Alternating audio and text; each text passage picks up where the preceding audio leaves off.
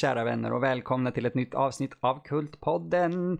Idag har vi ett eh, ganska underhållande, mm, lite vågat avsnitt skulle man väl kunna säga. Det kan man säga om alla våra avsnitt egentligen. Men vi pratar ju som sagt om saker och ting som tiden har glömt bort som Mattias själv brukar så fint formulera det. Hej Mattias! Hej, snor du mina grejer för mig? Alltså jag måste ju ta det som är coolt och bra i den här podden och det är ju typ det. Ja, förvisso, förvisso. Förvisso. Jag tänker inte argumentera emot det. Nej, du har ingenting att sno från mig när det kommer till någonting jag har att säga egentligen. Uh, jag hittar säkert någonting. Ja, det Vänta bara. pitiful stealing. Mhm. Eh, Men vad är det vi pratar om idag Mattias? Eh, vi pratar om Deadly Prey. Och en, eh, en av många av de här filmerna som kom efter eh, First Blood som de flesta nog kanske skulle kalla för Rambo, antar jag. Ja, men de har fel för De den har- heter First Blood. De har ytterst fel. Faktiskt. Eh, för, vad, vad skulle man säga att Rambo 4 då, om man ska säga så då, vad, vad heter då Rambo? Filmen Rambo egentligen, vilken, hur skulle man nummerge den? Filmen som heter Rambo, Ja. Ja, det är ju nummer fyra. Ja, precis. Men vad blir Ja. det då? Det blir typ Rambo, Rambo 4 First Blood Part 3? Ja, alltså för eh, Rambo 3 kallas ju inte för First Blood. Nej, för den Nej. kallas ju bara Rambo 3. Ja, precis. Så då borde den i så fall vara Rambo 4 First Blood Part 3. Exakt!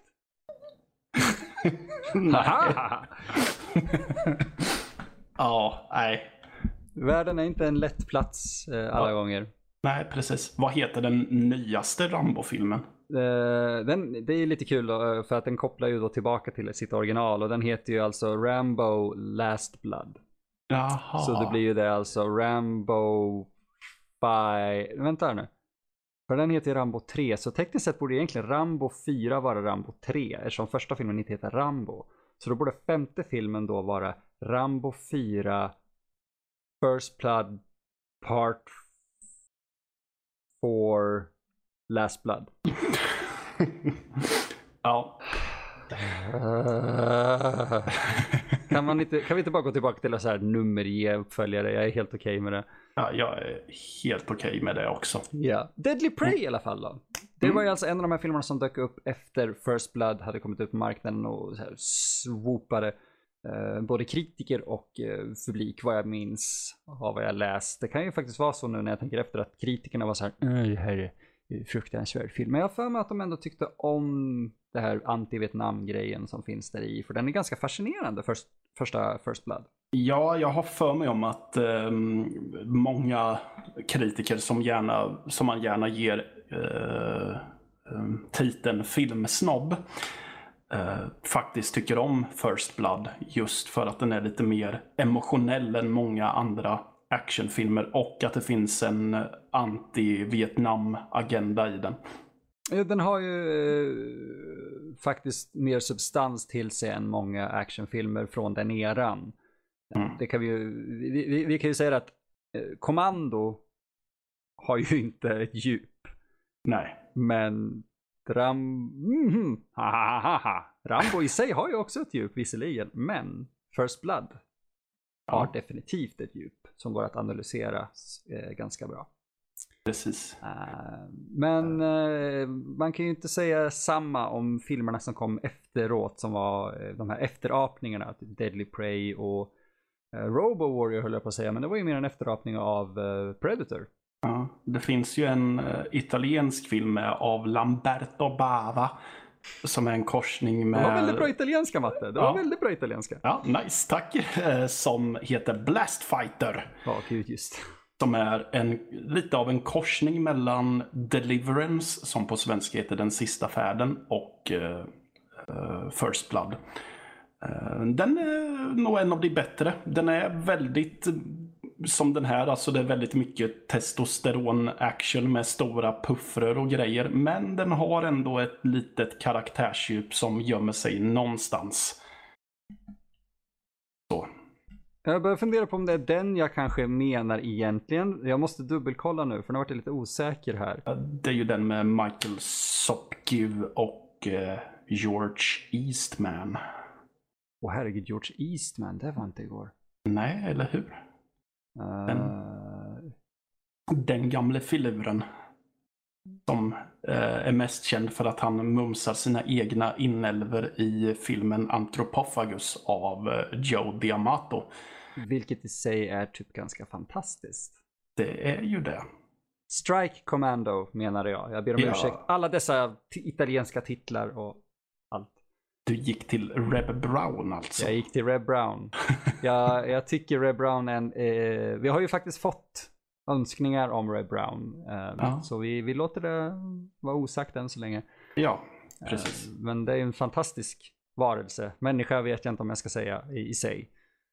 Nej, men eh, det han har lämnat efter sig är fantastiskt. Oj, ja verkligen. På olika grader. Jo, ja. Mm. Men det här var ju en tid för italienska rip-offs.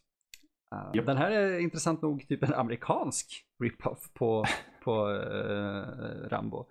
Ja, vi kommer säga Rambo säkert. Jag skiter i vad vi nu refererar till. Vi pratar om första Rambo-filmen för det var den som var ny då. Uh, Yep. Deadly Prey handlar om en man som, eh, eller rättare sagt, vi presenteras inte för honom först. Det handlar om en grupp eh, soldater, eller legosoldater. De tränar i skogen som säkert ligger så här en kilometer bort från eh, regissörens hus. Um, och de um, tar med sig civila ut dit för att användas som uh, skjut, alltså så här, target practice, vad heter det? Ja, alltså de, jag vet inte vad man ska kalla det för, men på lite typ uh, the most dangerous game-manér så plockar de in en civil i taget då. Och låter den... den springa för livet och så ska alla legosoldat, aspirerande legosoldater jaga och döda denne. Precis, och eh, jag är glad att du tog upp Most Dangerous Game för jag hade glömt bort exakt vad titeln var. Mm. Den, är, den är ju väldigt hämtad därifrån. Så det är en bra, fin kombo ändå tycker jag av First Blood och The Most Dangerous Game. Och Most Dangerous ja. Game, Mattias, vad är det den handlar om? Eh, det handlar om en rik magnat som eh, bjuder in gäster på en middag. Eh, tror jag att det är sagt. En jaktfest är det tror jag att det är. Mm. Och han är ju, den här magnaten är känd för att han har jagat alla världens djur och sen så sa han att ja, men det finns ju ett djur kvar som jag inte har jagat och det är ju människan. Så de som är bjudna på partyt, ja, då, det är hans eh, bytesdjur helt enkelt. Så de släpps iväg på hans marker och så jagar han ner dem en efter en. Och det är väl sagt att den som överlever får en de ska väl överleva över natten eller något sånt där. Och om någon mot förmodan överlever så får de en summa pengar. Det är en ganska väladapterad eh, bok faktiskt. Mm. I alla olika dess former. Jag vet att det finns en version med Gary Busey från typ 90-talet. Ja. Eh, sen har vi en variant från typ 30-40-talet som är en av mina favoriter. Men oh. den, eh, det de har liksom använt den ganska löst men ändå här, premissen finns där här. Mm. De jagar helt enkelt människor. Uh, ja. Och det finns lite konstiga subplots och sådär. Kommer in på det. De kidnappar helt enkelt folk då från gatan och de råkar kidnappa helt fel man. De råkar ja. kidnappa, fan är han heter nu då? Uh, Karak Ja, precis. Karaktären. karaktären heter ju Mike Danton. Men spelas av Ted Pryor. Som är bror till David A. Pryor som regisserade den. Mm. Eh, David A. Pryor är eh, en väldigt intressant människa. Gjorde ganska många, inte så här Roger Corman många, men ganska många eh, rip-off-filmer eller hommager tror jag att han skulle formulera det som kanske. Mm. Uh, att ah, men det här var coolt, det där tyckte jag om, det här vill jag själv göra. Och det är inte helt omöjligt, eh, eller ovanligt rättare sagt, utan det är ganska vanligt att man som regissör vill göra så. Och jag är helt för det när det görs på det här sättet, för jag tycker den här är underhållande. Den här är fruktansvärt underhållande. Mm. det, det, är få filmer som eh, kan säga att de in, som, man, som inte är underhållande om det inte, vänta, förlåt mig, jag måste formulera om. Det är få filmer man kan där en man lyfter upp en annan man och knäcker hans rygg mot en trädstam Mm. eh, så, på ett så slentrianmässigt sätt vad man kan säga Ja. inte är underhållande. Ja, precis. Och det är också en av få filmer där man ser en snubbe som skär av en annan mans arm med en machete för att sen misshandla ihjäl den man med sin egna arm. Han slår ihjäl honom med hans avhuggna arm. Det, det är en sån där scen jag nästan sitter och, och du vet, eh, fjärde juli Independence Day jublar åt. För det är så jävla liksom American. Eh, Yeah. Ett stort fan av den scenen. Ja, jag med. Ma- för man, det har hänt en sak där. Vi behöver inte spoila exakt vad som händer där. Men det är en ganska intressant twist. Ja, det är det. eh, är det. Eh, Men det, det, man bara, åh shit, vad är det som sker egentligen? Och han springer mot skurken och, och, med en machete och skurken står och försöker skjuta honom. Och så bara av med armen och sen upp med den och sen börjar han slå honom med den. Ja, Och, och allt levereras inte, alltså det är inte så här skämtsamt riktigt utan det är ganska allvarlig mörk ton egentligen. Ja, där, där visar ju filmen att de, den hade kunnat eh, gå in i en ganska mörk ton mycket tidigare om den bara hade velat. Mm. Oh, ja. Där. För den tar en, eh, som Emil säger, det är en grej som händer där som jag faktiskt inte såg komma. Nej, det, det är... Jag minns när jag såg den här första gången. Mm. Det var nämligen eh, Marcus eh, Beltiker som visade mig den här. Mm. Och, eh, ja, ja, du vet, som man ibland gör, man ser vad det är för typ av film och bara så händer det här, så händer det här. Och allt det Mm. hände ju tills dess. Ja. Och jag är väldigt glad att det inte blev som jag trodde. Precis. Men eh, nu har vi ju i princip, vi hoppade ju till slutet här, men det, det är Mm. för att det här är en ganska förutsägbar film. Därför håller vi också den twisten lite Ja. hemlig. Eh, för att de skeppar ut honom till eh, ett, ett litet basläger. Alltså det är jätteweird egentligen för att det, man får aldrig direkt någon inblick i att det här är särskilt gömt eller någonting. Det känns som jag är ute och går långt. Mm. Jag skulle kunna liksom så här, gå in i ett buskage och bara oj, här var ett legosoldats gerillaläger. Ja, nej men alltså det är ju lite det som sker. Det är ju för sig längre fram i filmen, men det är ju två helt ovetandes eh, typ bönder som bara råkar Ja, just det. snubbla över den här Det är en fan- verksamheten. Fantastisk scen. Ja. Helt otrolig. Ja, ja. Eh, det, det, de försöker ju verkligen få skurken, alltså huvudantagonisten som de slåss mot. Eller som... Jag, jag, tänker- jag vet inte, Macho Rambo, jag kommer inte ihåg vad han heter, kommer slåss mot, eller han slåss mot hela filmen. Och han har en, en fäbless för att i klassisk skurkmanér ha ihjäl sina egna män, men även när han så här de här, stöter på de här jägarna eller bönderna så har de någon, något utbyte där. Sen, ah, du måste säga vad, var du hörde de här människorna. Bara, Nej, jag, jag vet inte. Så, pang! Skjuter honom och den andra snubben bara, uh, typ där borta, tio minuter sedan. Aha. Pang! Och så skjuter de honom också. Det, Ja. det, det är så kul. Ja. Bara, för att det är så schablonmässigt. Och varje gång den här snubben mördar en av sina egna så jag blir lite, jag är så glad att den här filmen är så lätt att, att, att roas av. För annars hade jag blivit så förbannad. För det är så här, du har, du, säg 45 minuter in i filmen, så här, du har väldigt få män kvar. Sluta sparka käken av dem. För det är hela tiden så här roundhouse kick eller så skjuter han dem. Och bara, Mm. what the fuck. Eh, Ja, det är till och med så. Ja, som du sa, det är ju en av hans egna mannar som avrättas genom att först få en roundhouse kick och sen bli skjuten. Eller nej, han blir inte ens skjuten, kommer jag på nu. Nej, jag tror inte han blir det. Jag tror De han... vrider nacken av honom. Jag såg ju. Ja, ja. Alltså alla så här action-sätt att, äh, sätt att döda någon på gör de här. Ja, Det känns precis. fantastiskt.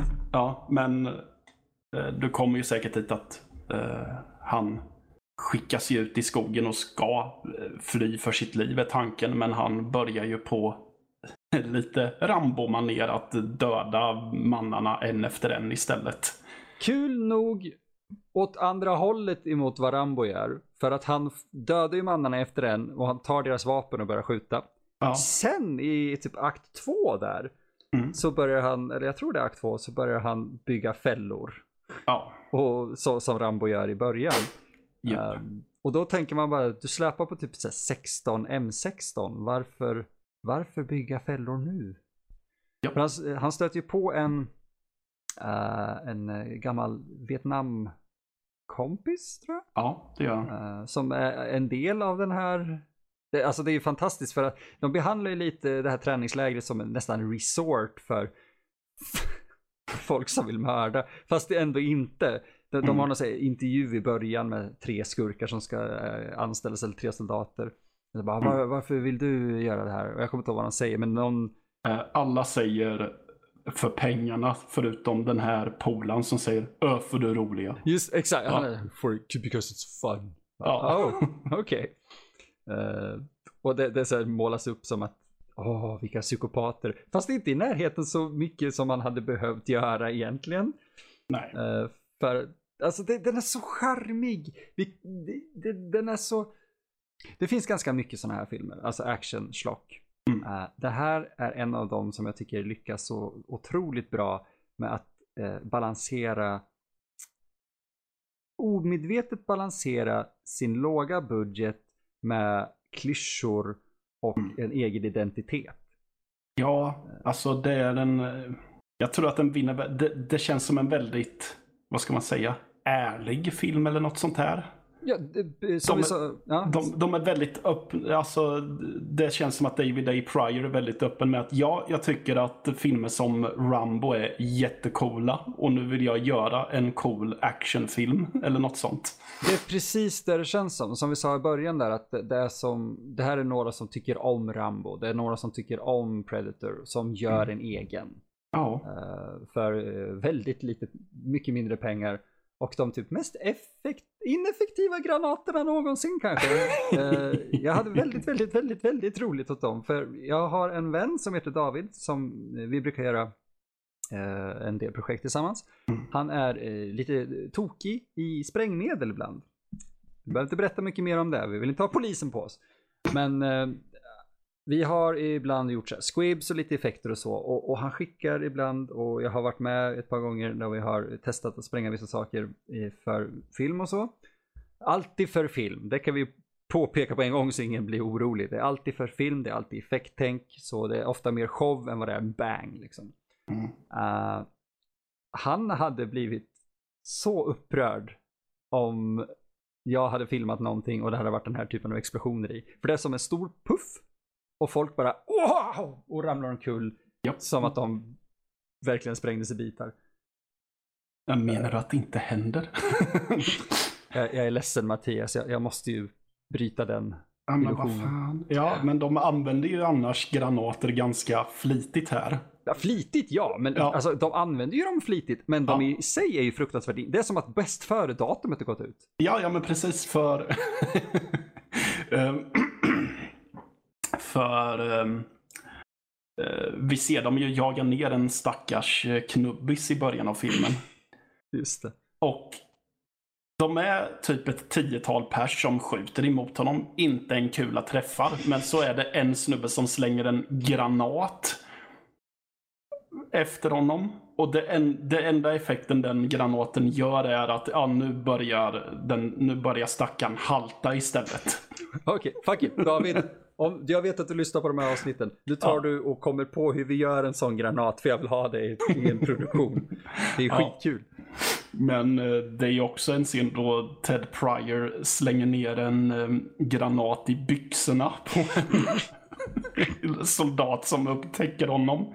Och allt Dave, Ted Pryor behöver göra för att undvika skada själv är att han rullar under en lastbil och springer iväg lite fint. Ja, det är ju skitkul hur ofta och hur mycket han klarar sig bara av att typ hoppa lite snabbt åt sidan och sådär.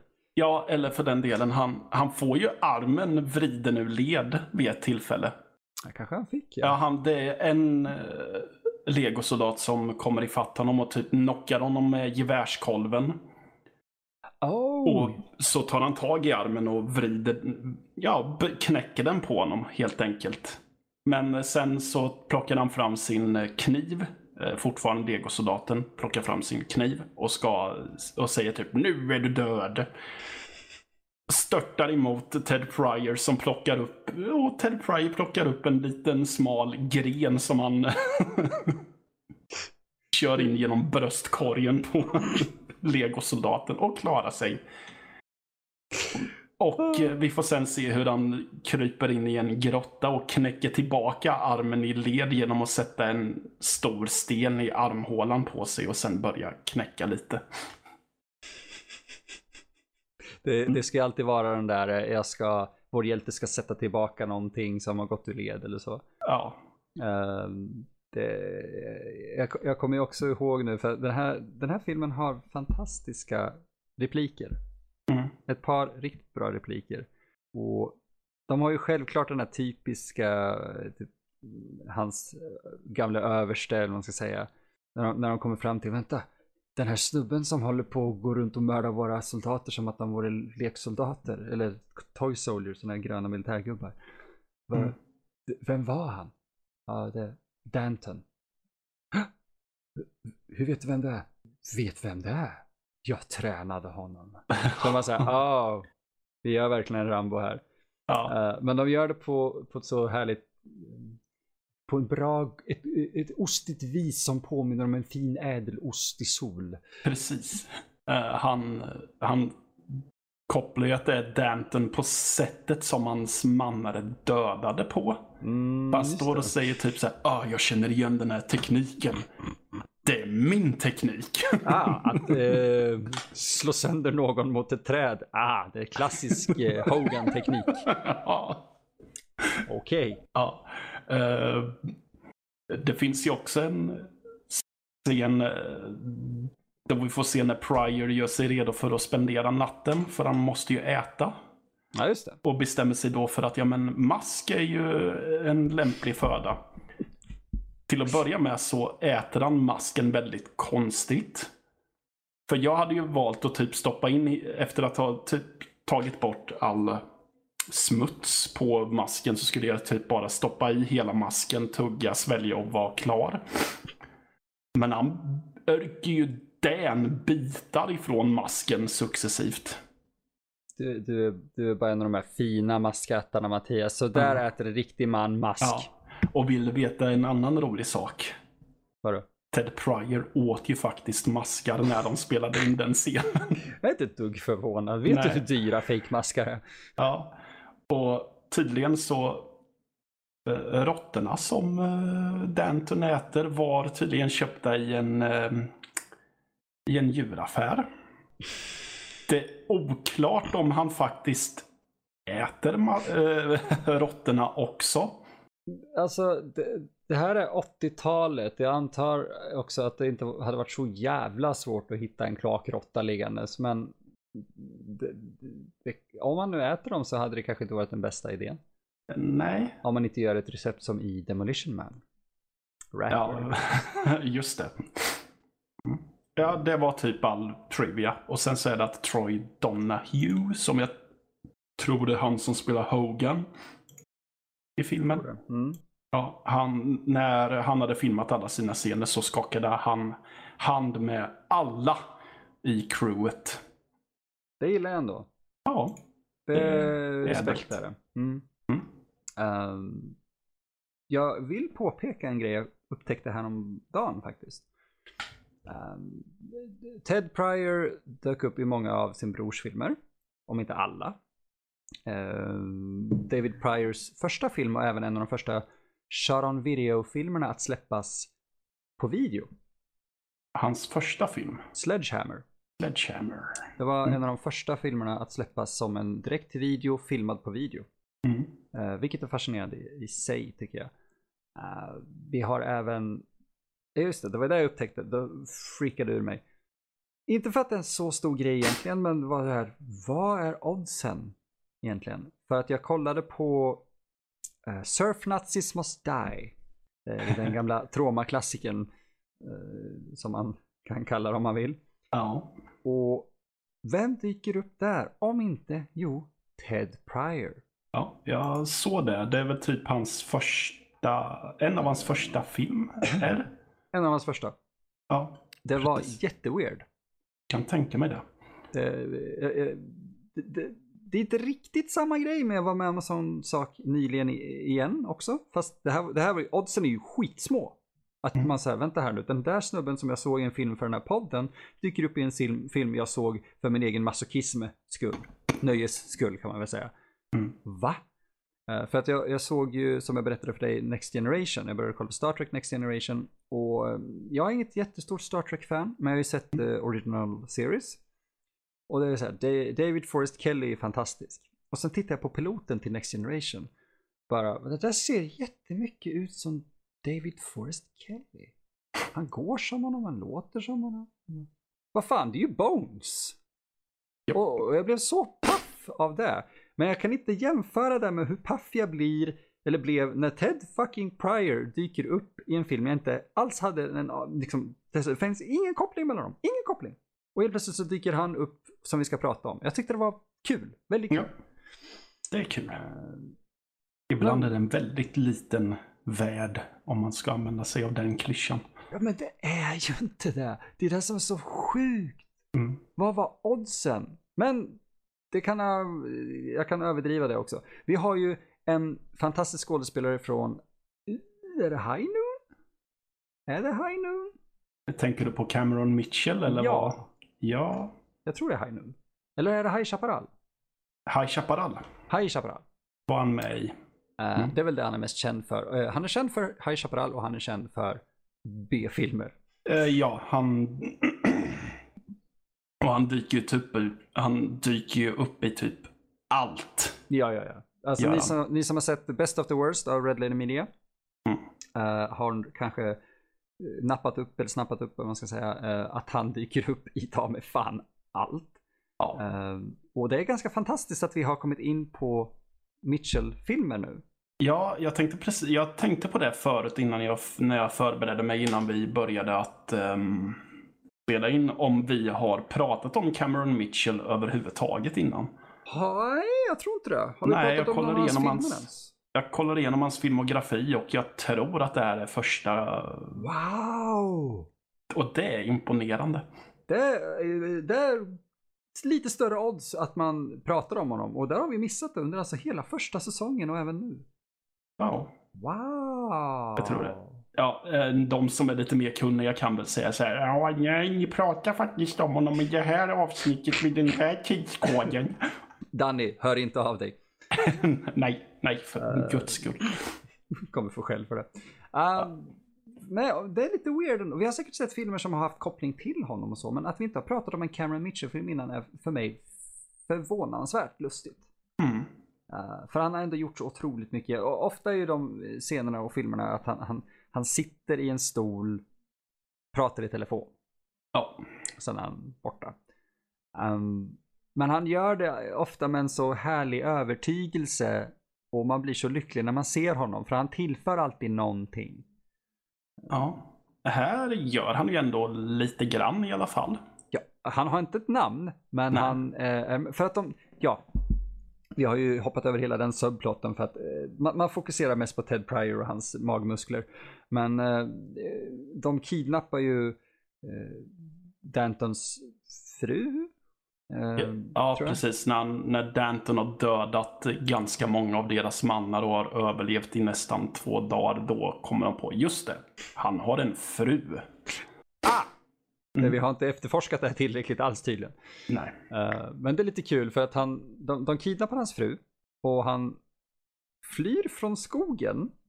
Vilket han hade kunnat göra hela tiden. Ja. Han flyr från skogen, han flyr hem, Mm.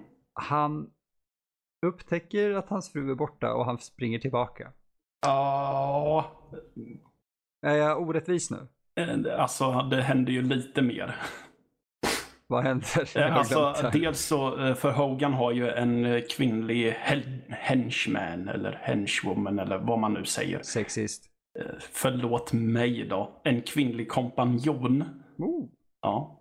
Eh, som eh, sitter och väntar på honom och hon, eh, ja, eh, hon säger väl någonting som jag inte kommer ihåg. Men så är det ju ett, tel- eller han frågar ju vart hon är och hon säger något kryptiskt machoaktigt och sen ringer ju telefonen där Hogan berättar för uh, Danton att frugan är kidnappad. Så han Just slår ihjäl uh, kompanjonen och springer ner i sin källare och rustar upp för strid. Eh, Okej då, jag får väl ge Ja. dem det att de hade ju lite mer, men okej, okej. Jag, Alltså. jag ger mig på den. Ja. Eh, men Cameron Mitchell kom in i bilden här någonstans också. Eh, inte just här, men han, eh, hans, eh, alltså Dantons fru, hennes Mm. pappa spelas av Cameron Mitchell. Och, Mm. och frun heter Jamie, för att Cameron Mitchell spelar Jamies father. Ja. Det är hans karaktärsnamn. Han är en eh, eh, vad heter det? pensionerad polis. Ja. Och han försöker väl typ reda ut vad som pågår. Ja. I ja. guess. Ja. ja. Det här känns lite som en subplot som skrevs in, du vet, för att både för att vi, det här är någonting de här filmerna har och vi måste dra ut på tiden. Så därför skriver vi lite extra. Ja, jag tror att det var någon, att, de, att det var en nödlösning för att komma så nära 90 minuter som möjligt. Mm. Men vilken nödlösning så säg. Ja. ja. För, för eh, det här eh, lägret eh, har ju sponsorer förstås och sådär. Eller ett stort företag som, som i princip, ja, ni vet det här, The Evil Big Corporation, typ CP, vad heter de? De här från Robocop. Det spelar ingen roll. Eh, Det här stora onda företaget i alla fall som finansierar det här lilla lägret av mord. Mm. Och Cameron Mitchell stöter på den här eh, entreprenören. ja, jag hade fel. Det är det som är Troy Donahue. Är det som är, okej, det är Ja, Troy Donahue. Han som spelar Hogan heter David Campbell. Han är rätt skön också faktiskt. Mm. Ehm, och jag, måste ta och citera repliken, det lilla talet som Cameron Mitchell har eh, för uh, den här entreprenören här. För det är ganska fantastiskt, för han, han har honom i så här, vad heter det? Han riktar en pistol mot honom, eller en revolver, och han har honom i sikte och så. Va, va, vad gör du? Eller va- varför gör du det här? Eller vem är du? Och Cameron Mitchell svarar Who am I? A little man who spent 27 years of his life as a cop trying to put big shots like you away.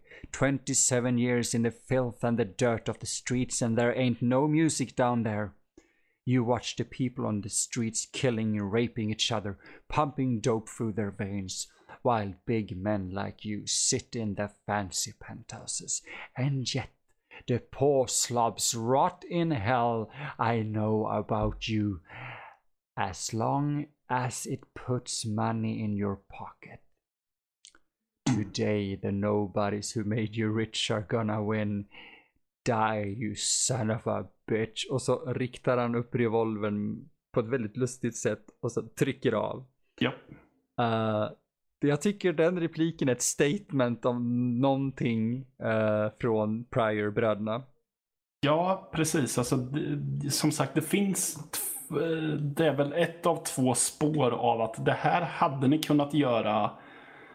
eh, ni hade kunnat göra en actionfilm som hade haft ett budskap om ni bara hade velat. Eller haft budget till det för den delen.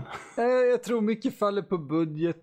Jag tror de kanske vill, du vet så här långt inne någonstans kanske de ville. Samtidigt var den här eh, explosions and gore, cool. det är inget gore i det, men så här explosions and guns. Ja, Det- Jag får dem att låta dumma, men det var de inte. Nej, definitivt inte. Alltså jag, som sagt, vi uppskattar ju den här. Och jag sa det, för jag såg den här tillsammans med en kompis.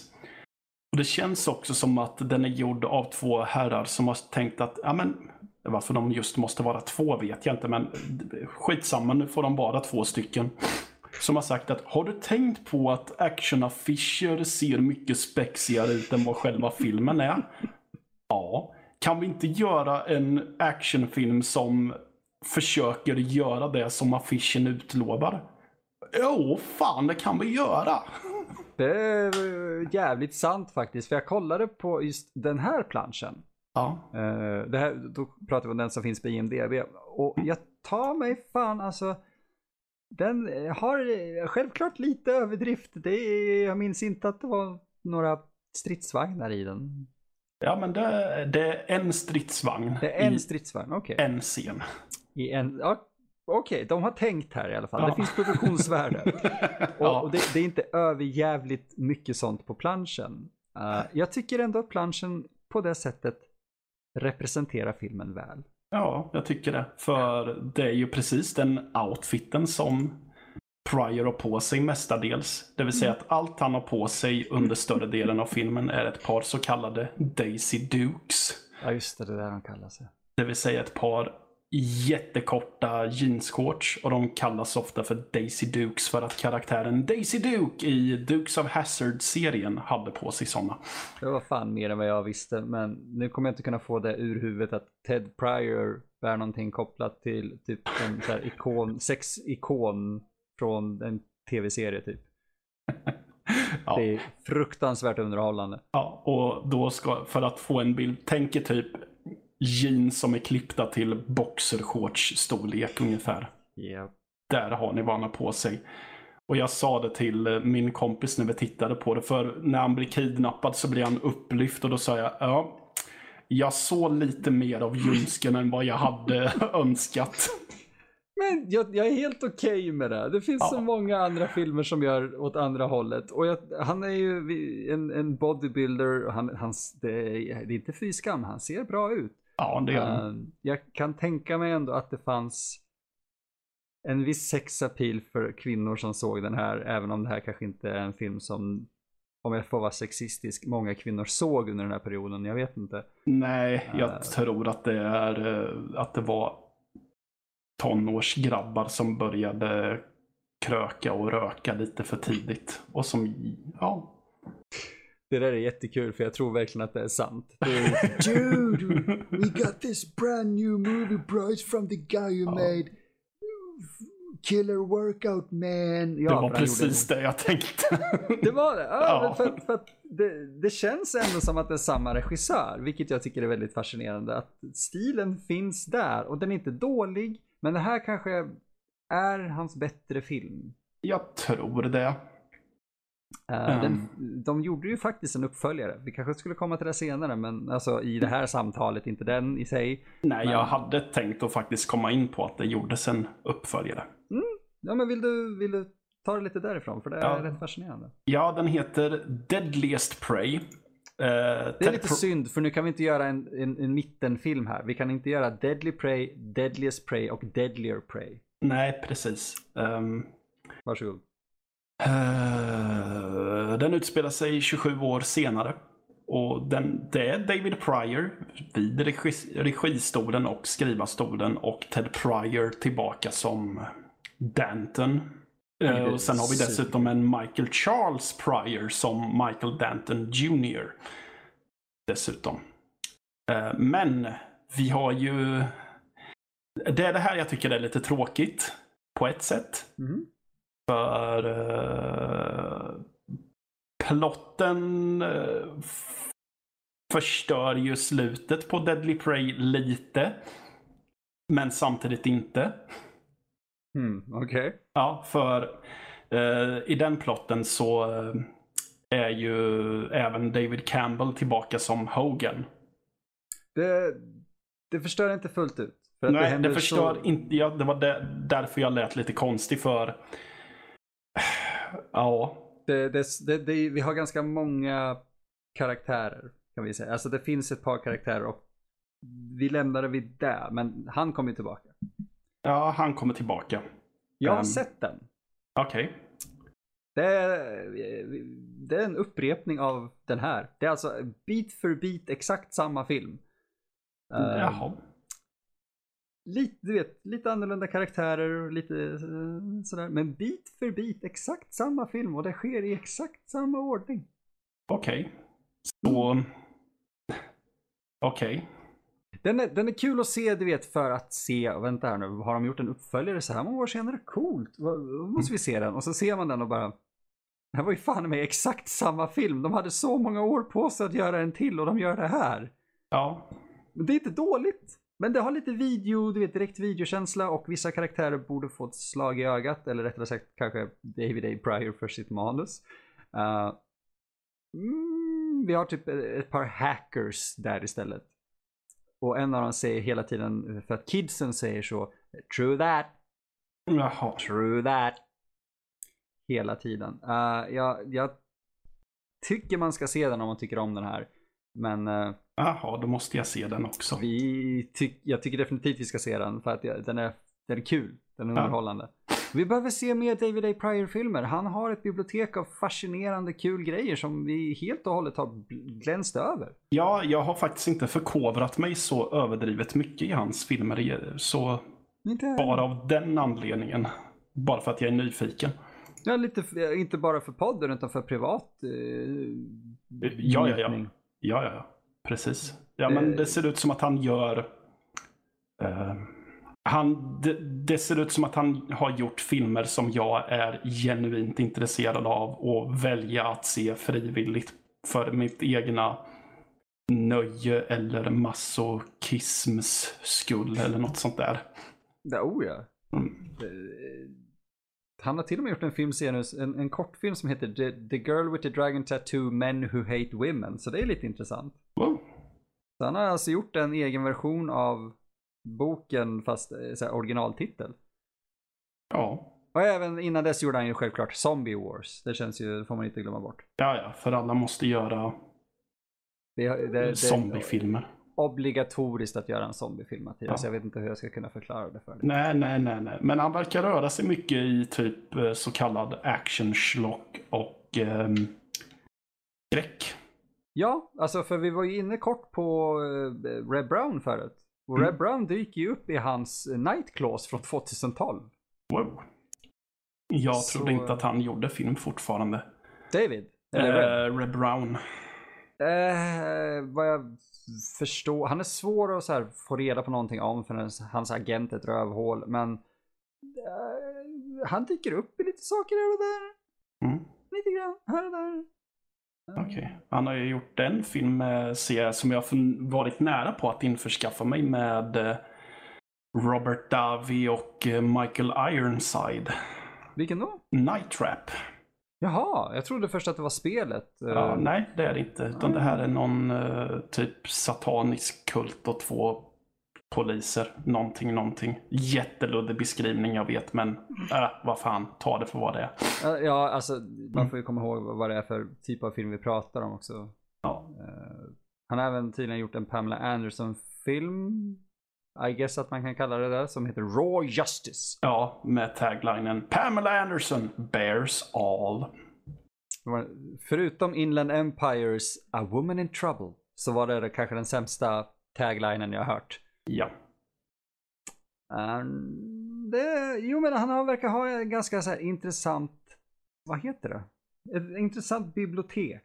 Jag, En intressant filmografi. Filmografi, tack så mycket. Ja. Eh, och jag kommer nog definitivt kolla in ett par av de här till. Ett par här. till av de här menar jag. Ja. Mm. Han gjorde ju, eh, det, det är ju fantastiskt faktiskt, Future Zone och Future Force eh, med en väldigt full David Carradine. Vad det? Nu är jag ju såld. Jag har eh, snöat in lite på David Carradine på senare år faktiskt. Då, det har jag med. Mm. Eh, och utöver Kung Fu så är det definitivt någonting man behöver kolla upp eh, med, med David Carradine. Det är Ja. alltså Kung Fu, det är Kill Bill och det är hans underliga jävla fyllefilmer. Mm. Det är tre grejer man behöver kolla upp med honom. Ja, jag kan ju också säga att för er som eh, har lyssnat på våra crossovers så vet ni att den, en av de första vi gjorde var ju The Ninja Mission av Mats Helge Olsson. Hey. Och han har gjort film med David Carradine också.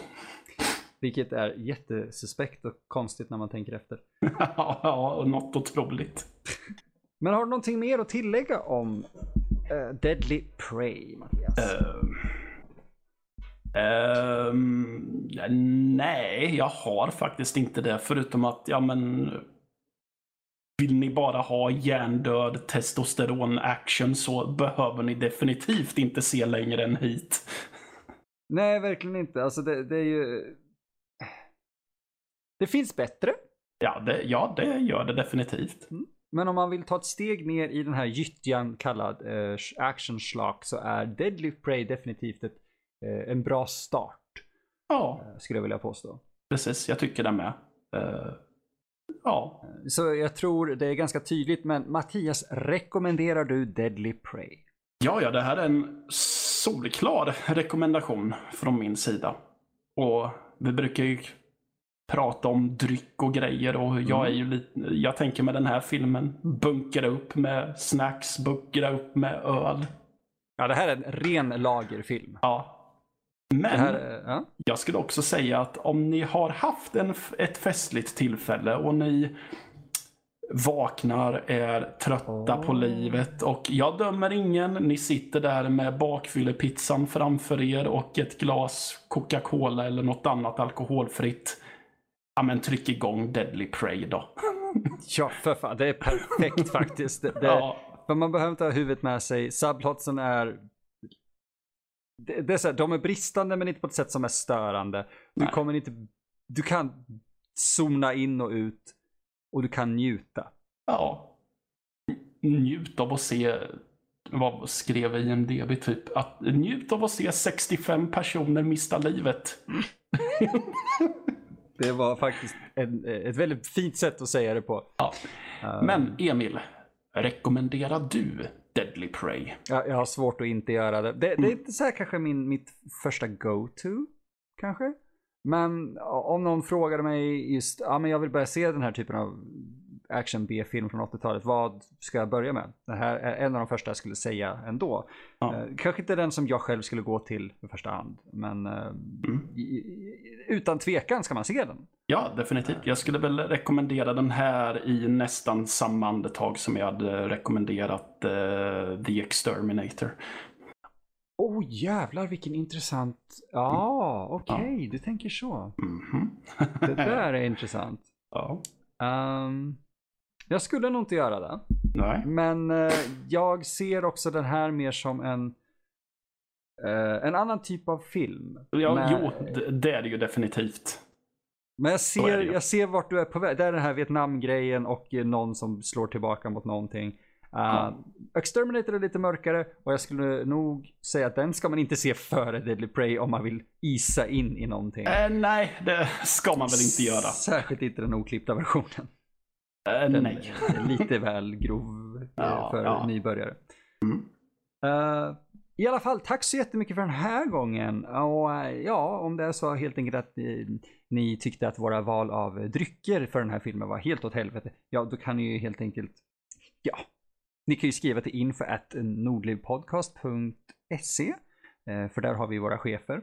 Ni Mm. kan även skriva till mig för att skälla på mig. Att emil, emil at nordlivpodcast.se Eller Mattias självklart på mattias at nordlivpodcast.se Däremot om ni vill skrika på oss lite mer offentligt, eh, ja antingen kan ni ju dyka upp eh, framför oss på en kon. Vi, Ja. vi dyker upp på en hel del kons, vi får se vad som sker under året. Eh, vi har eh, självklart våra sociala medier. Och det är ju då eh, Nordliv SE på både Instagram och Twitter. Sen har vi självklart på eh, Facebook också, men då är det bara Nördliv. Eh, Vill ni följa Mattias lite mer närgånget så är det ju eh, Rostig Sked på Instagram. Och mig kan hitta på att Emil. Ja, självklart är det att Rostig Sked också då, men jag antar att ni kan det där. Ja, vem hakar upp sig på detaljer? Ja, vi säger bara ät! nu var jag rolig. Oj jävlar, mitt så här utslag på jag bara sa hej. Eh, tack så jättemycket för att ni har varit med oss de här 50 minuterna. Det har varit otroligt kul att få göra det här avsnittet för er och jag hoppas ni är tillbaka med oss nästa vecka eller ja, nästa gång vi gör det här. Mm. Då vi ska prata om något helt annat faktiskt. Ja, verkligen. Vilket är väldigt kul. Ja. Så jag rekommenderar självklart att ni hänger med oss då också. Och Mattias, vill du säga adjö till vår kära publik? Adjö, kära publik. Adjö.